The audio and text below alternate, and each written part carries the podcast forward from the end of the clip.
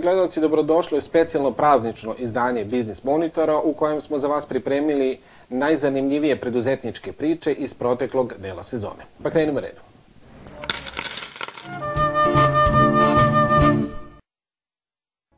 Zašto bih ja sarađivao sa kolegom ako mi je lakše da ga optužim da je nešto loše uradio, a ja zavisim od njega? Zašto bih uopšte razmišljao o svojoj odgovornosti?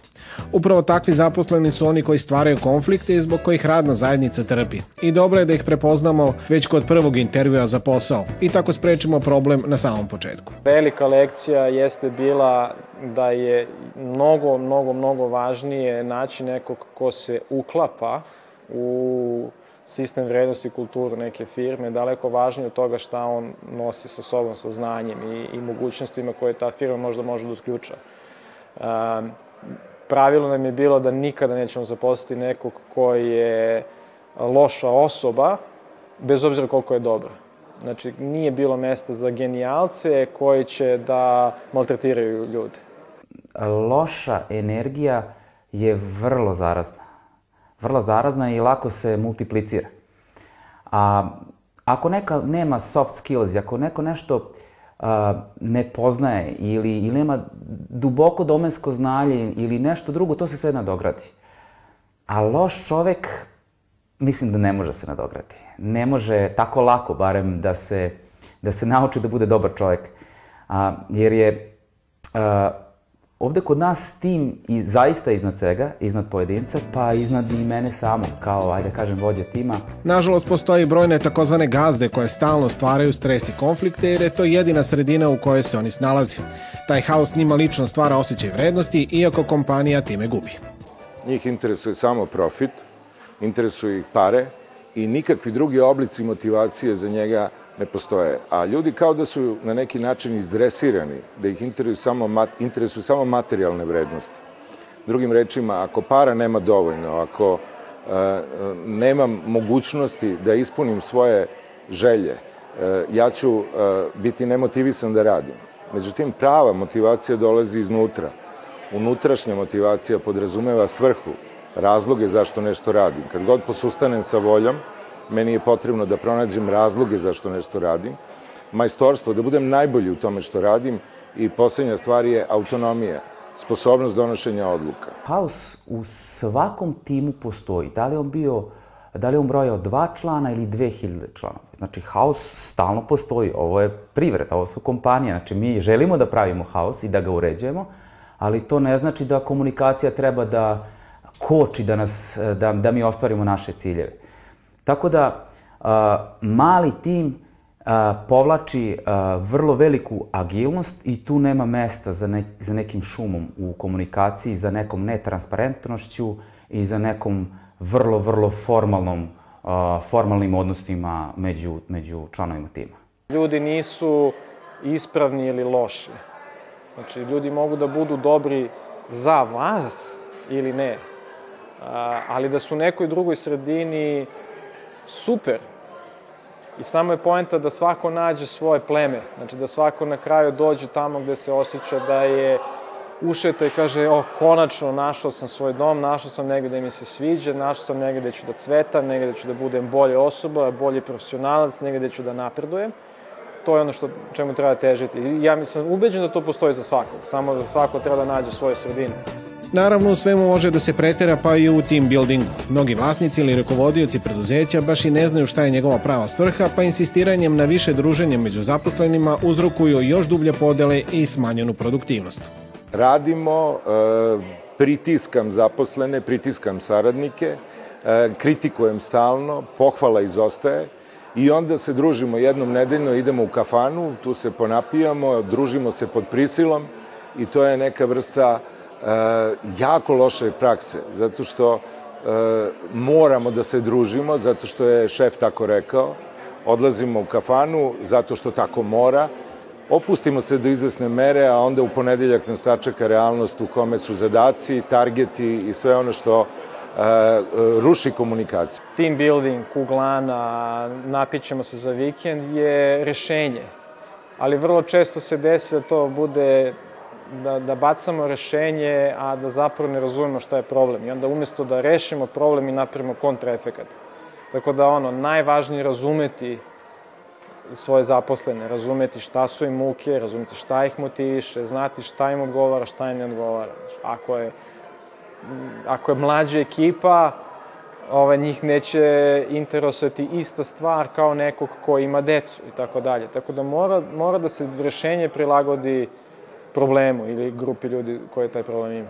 Da li je iko ikada u porodici pokušavao da, da pomeri svoju porodicu tako što je isiljeno nešto uradio i da je otišao na kopaonik na tri dana i kaže sad ćemo se pomiriti i sad ćemo živeti u ljubavi do kraja života. Nisam siguran, mislim da ne. A, ako ćemo da funkcionišemo kao porodica, mi imamo 3-4 team buildinga u toku dana, koji traje 5 minuta. A, hajde popijemo kafu zajedno hajde da ručamo zajedno. Zarada je svakako ono što podjednako motiviše sve zaposlene, bez obzira na godište, znanje ili poziciju u preduzeću. Ali to ne mora biti razlog nezadovoljstva u timu. Ljudski faktor je vrlo često ozbiljni uzrok loših odnosa među radnicima. Svaka firma postavlja svoje e, definicije uspeha. E, za nas je uspeh bio da mi kao jedan veliki kolektivni mozak zajedno ostvarimo daleko više nego što možemo međusobno, nego što možemo sami. Sad da bi taj kolektivni mozak mogao da radi, da se usmiri u jednu smeru, svi delovi tog mozga moraju da mogu sa svima da komuniciraju brzo, efikasno, da nema frikcije trenja, da nema preispitivanja, da možemo na jedni drugi da se oslonimo.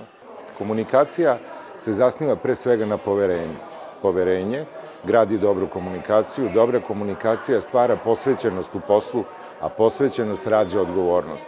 Odgovornost je preduslov rezultata ne možemo imati rezultate ukoliko ne sarađujemo. Traženje negativnog u drugim ljudima nam služi da popravimo sobstvenu sliku o sebi i da podignemo samopouzdanje. Takav stav, bilo da se radi o radniku ili šefu, važan je tom pojedincu, ali je poguban za tim. Svako ko je uvideo taj problem na početku, kasnije u poslovanju nije imao problema.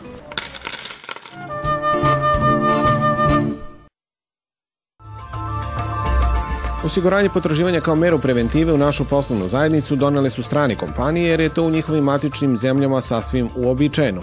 Ubrzo su u takvu praksu preuzele i naše velike kompanije, dok je to za srednje i male biznise ili nepoznanica ili nepotreban trošak. Mala i srednja preduzeća su možda čak i više izložena riziku. Imaju manje kupaca, manju disperziju, potraživanja i mnogo su zavisniji. Ako pitanje sada se postavlja ključno, koliko možeš da izdržiš kao kompanija – ako ti tvoji kupci prestanu plaćati? Koliko dugo? Koliko si zavistan na jednom kupcu ili na više njih? Kada znaš dobro uh, taj svoj status, onda vidiš da li ti treba osiguranje potraživanja ili ne. Sudbina tvog kupca može se promeni u 3 sata. Znači, da li on bio u zapadnoj Evropi, u regionu, u istočnoj Evropi. Tako da, osiguranje potraživanja je nešto što treba ne da omogući samo opstanak, nego i rast i pojavljivanje proba na novo tržište. Ipak praksa naših privrednika je donekle drugačija. Čak i oni koji ne osiguravaju svoje plasmane ipak proveravaju bonitet svojih poslovnih partnera.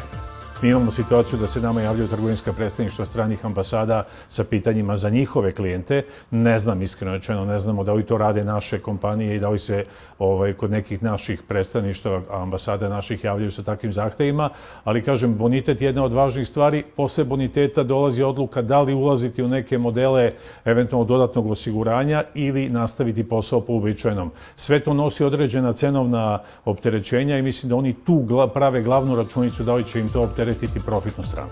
Kada već govorimo o računici, ne treba zaboraviti da sada imamo poslovnih nepoznanica više nego ikad. Usled globalne ekonomske krize poskupao je transport, lanci snabdevanja su otežani, inflacija pogođa gotovo svaku zemlju u svetu, a zajmovi poskupljuju iz dana u dan. Upravo zato bi trebalo osigurati plasmane, jer i najodaniji poslovni partner preko noći može doći u situaciju da ne može da ispoštuje dogovoreni rok plaćanja. Ukoliko dođe do defaulta, to jest ukoliko dođe do produženih rokova neplaćanja, ukoliko njegov kupac ode u stečaj ili likvidaciju, onda nastupamo mi. Onda mi tu štetu isplaćujemo. Ako nije to potraživanje ustupljeno, znači isplaćuje se direktno ovaj, našem klijentu na račun. Ukoliko je to potraživanje ustupljeno, mi plaćamo ustupiocu, to jest banci, faktoring kući ili zatvaramo unutar kuće ta potraživanja. Osiguranje uvek posmatramo kroz kao neku komplikovanu stvar.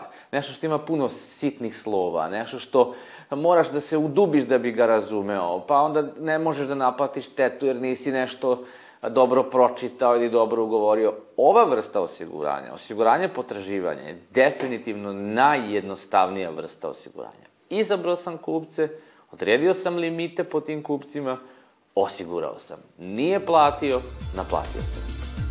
Osiguranje potraživanja je strateška odluka koju svaka ozbiljna firma pažljivo planira. Međutim, uprkos riziku, naši izvoznici se neretko rukovode time na kom tržištu žele da nastupe i kakva je poslovna kultura te zemlje.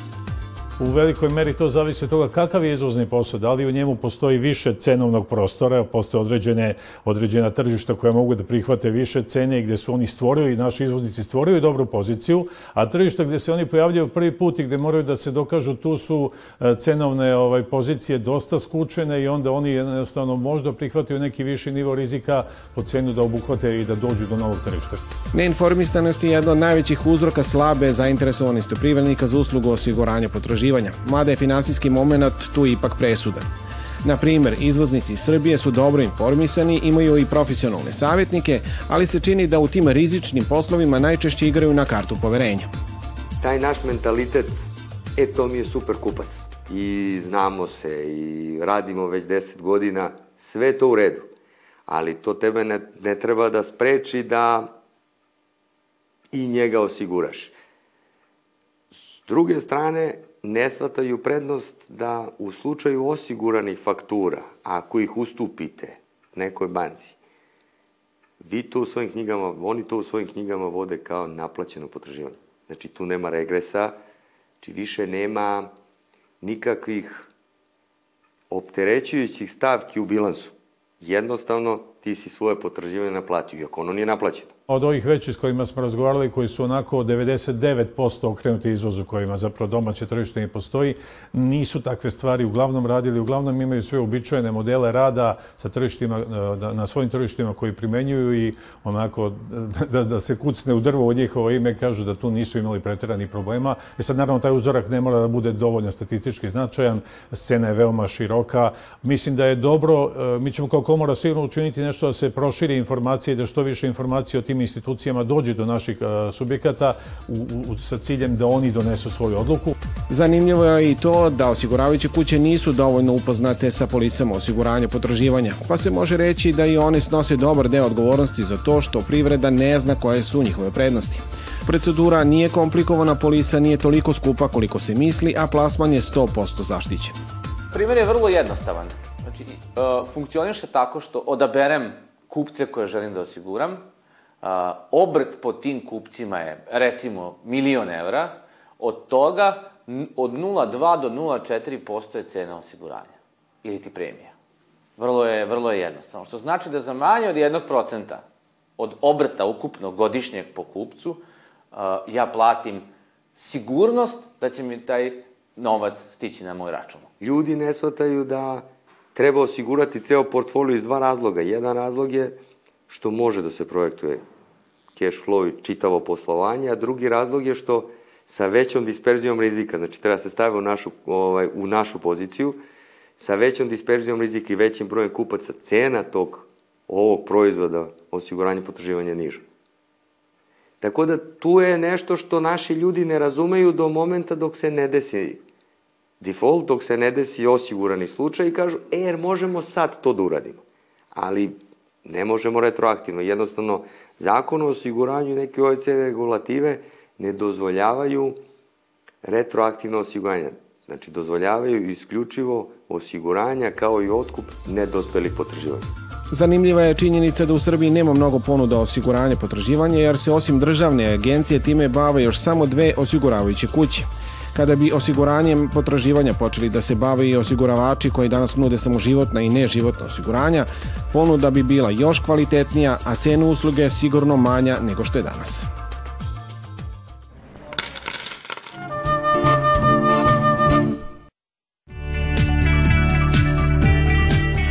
Međunarodna organizacija Dostignuće mladih koja se bavi preduzetničkim obrazovanjem učenika nastala je u Sjedinjenim američkim državama davne 1919. godine. Kod nas je došla gotovo devet decenija kasnije, tačnije 2005. Ipak za relativno kratko vreme do danas je preduzetničko obrazovanje primenjeno u 370 srednjih škola u Srbiji, kroz koje je prošlo više od stotinu hiljada dece, a oko 1400 nastavnika je obučeno za tu vrstu edukacije. Iz naše perspektive to i dalje izgleda tako da mi nastavnika moramo da pronađemo, da nastavnika edukujemo i da nastavnik bude sposoban da u svojoj školi sprovodi tu vrstu programa. Taj deo je isti. Drugačije, ono što se promenilo jeste što sada imamo zaista veliki broj nastavnika koji se time bave i sada smo došli do onoga što, na, opet što zagovaramo i što nam je jako važno, a to je da se šira društvena zajednica uključi upravo u saradnju sa tim mladim ljudima. S obzirom na digitalnu Srbiju koja broji više od 30 e, kompanija u okviru neke digitalne ekonomije, Centar za promociju nauke sa već dugom tradicijom rada sa školama, Junior Achievement sa, sa preduzetništvom i mi koji nekako donosimo taj kreativni deo, kreativni deo industrije tehnološki, e, da im pomognemo kako da što bolje razumeju društveni kontekst, različite industrije koje postoje u Srbiji, različita zanimanja i onda da, da, da razumeju na koji način, kojim putem treba u stvari da prate neka svoje talente i interesovanja da bi sutra od toga mogli da žive. Da bi deca bolje razumela taj poslovni svet oko sebe, potrebno je da se upoznaju sa privredom što ranije, ali ne na način da im se to nameće ili da se primoravaju da još jedan školski predmet bubuje na pamet, već da se za to zainteresuju kroz interaktivan, zanimljiv način nekad se vidi to da oni koji su dobri, oni su prosto dobri u svemu. A oni koje ne interesuje e, škola, njih ne interesuje ništa pored toga. Tako da je meni uvek izazov da zainteresujem i te druge, koji ne prepoznaju možda svoje potencijale, e, da ih iskažu na ovaj način, da ih zainteresujem za preduzetništvo, za taj vid kreativnosti i da pokušaju tu da daju svoj maksimum. Ljudske aktivnosti postale su toliko kompleksne da se stvarno ne mogu taktički određivati, nego se moraju planirati na 10-20 godina. Jedna od tih stvari je obrazovanje i to je nešto što je potrebno kao neki konsenzus društva, znači privreda mora da učestvuje u tome, ljudi iz ministarstava treba da budu, da kažem, voljni sagovornici, ali opet, ajde da kažem, taj neko teški teret će dizati nastavnici i profesori. E, naše društvo treba da bude svesno toga i da omogući da ti ljudi budu prepoznati, cenjeni i plaćeni. Profesori koji se u našim srednjim školama bave učeničkim obrazovanjem po modelu dostignuća mladih dobijaju samo bodove za stručno usavršavanje, ali sve zapravo rade bez ikakve nadoknade. Njihova dobra volja i entuzijazam su jedina motivacija za rad sa učenicima u takmičenjima poslovnog izazova ili učeničke kompanije. Ako direktor ne razume, kolektiv ne razume i svi su protiv njega, onda on prosto je u drugačijoj poziciji kao da se bori sam protiv svih. U nekim drugim slučajevima direktor određuje kako će on to, kako će da valorizuje njegov nastavni rad i da mu onda eventualno skine razredno starešinstvo zato što mu je o, i ovo će da mu stavi u njegovu kalkulaciju. I opet sa druge strane imate veliki broj sada nastavnika preduzetništva. Kako je preduzetništvo postalo predmet, dobili ste situaciju da nastavnici nisu baš imali dosta dugo materijale čime će oni da se bave, pa su onda počeli da se pridružuju našem programu i otkrili potpuno jednu novu sferu gde, će on, gde oni sada imaju mogućnost da svoj nastavni plan i program u stvari sprovedu kroz, kroz nekakve modele jel, koje do sada nisu, nisu poznavali i sa njima nisu radili na taj način. Naravno, kolektiv je veliki, pa tako su i mišljenja različita neko podržava to što radim i kako radim, a ima i onih koji kažu dokad više to preduzetništvo i samo preduzetništvo. Uprkos nedostatku jasnog kurikuluma preduzetničke nastave i adekvatne materijalne podrške, ono što je profesorima danas možda i najteže jeste rad sa učenicima koji nam tek stižu u srednje škole. Obrazovanje najmlađe alfe i nešto starije Z generacije je veliki izazov za svakog nastavnika mislim da prosto imaju problem u socijalizaciji, imaju problem u komunikaciji, imaju problem u, u izražavanju svojih stavova i očekivanja zato što su često izloženi osudama okruženja. posebno ako je to drugačije od onog što se očekuje, što su očekivanja njihove generacije.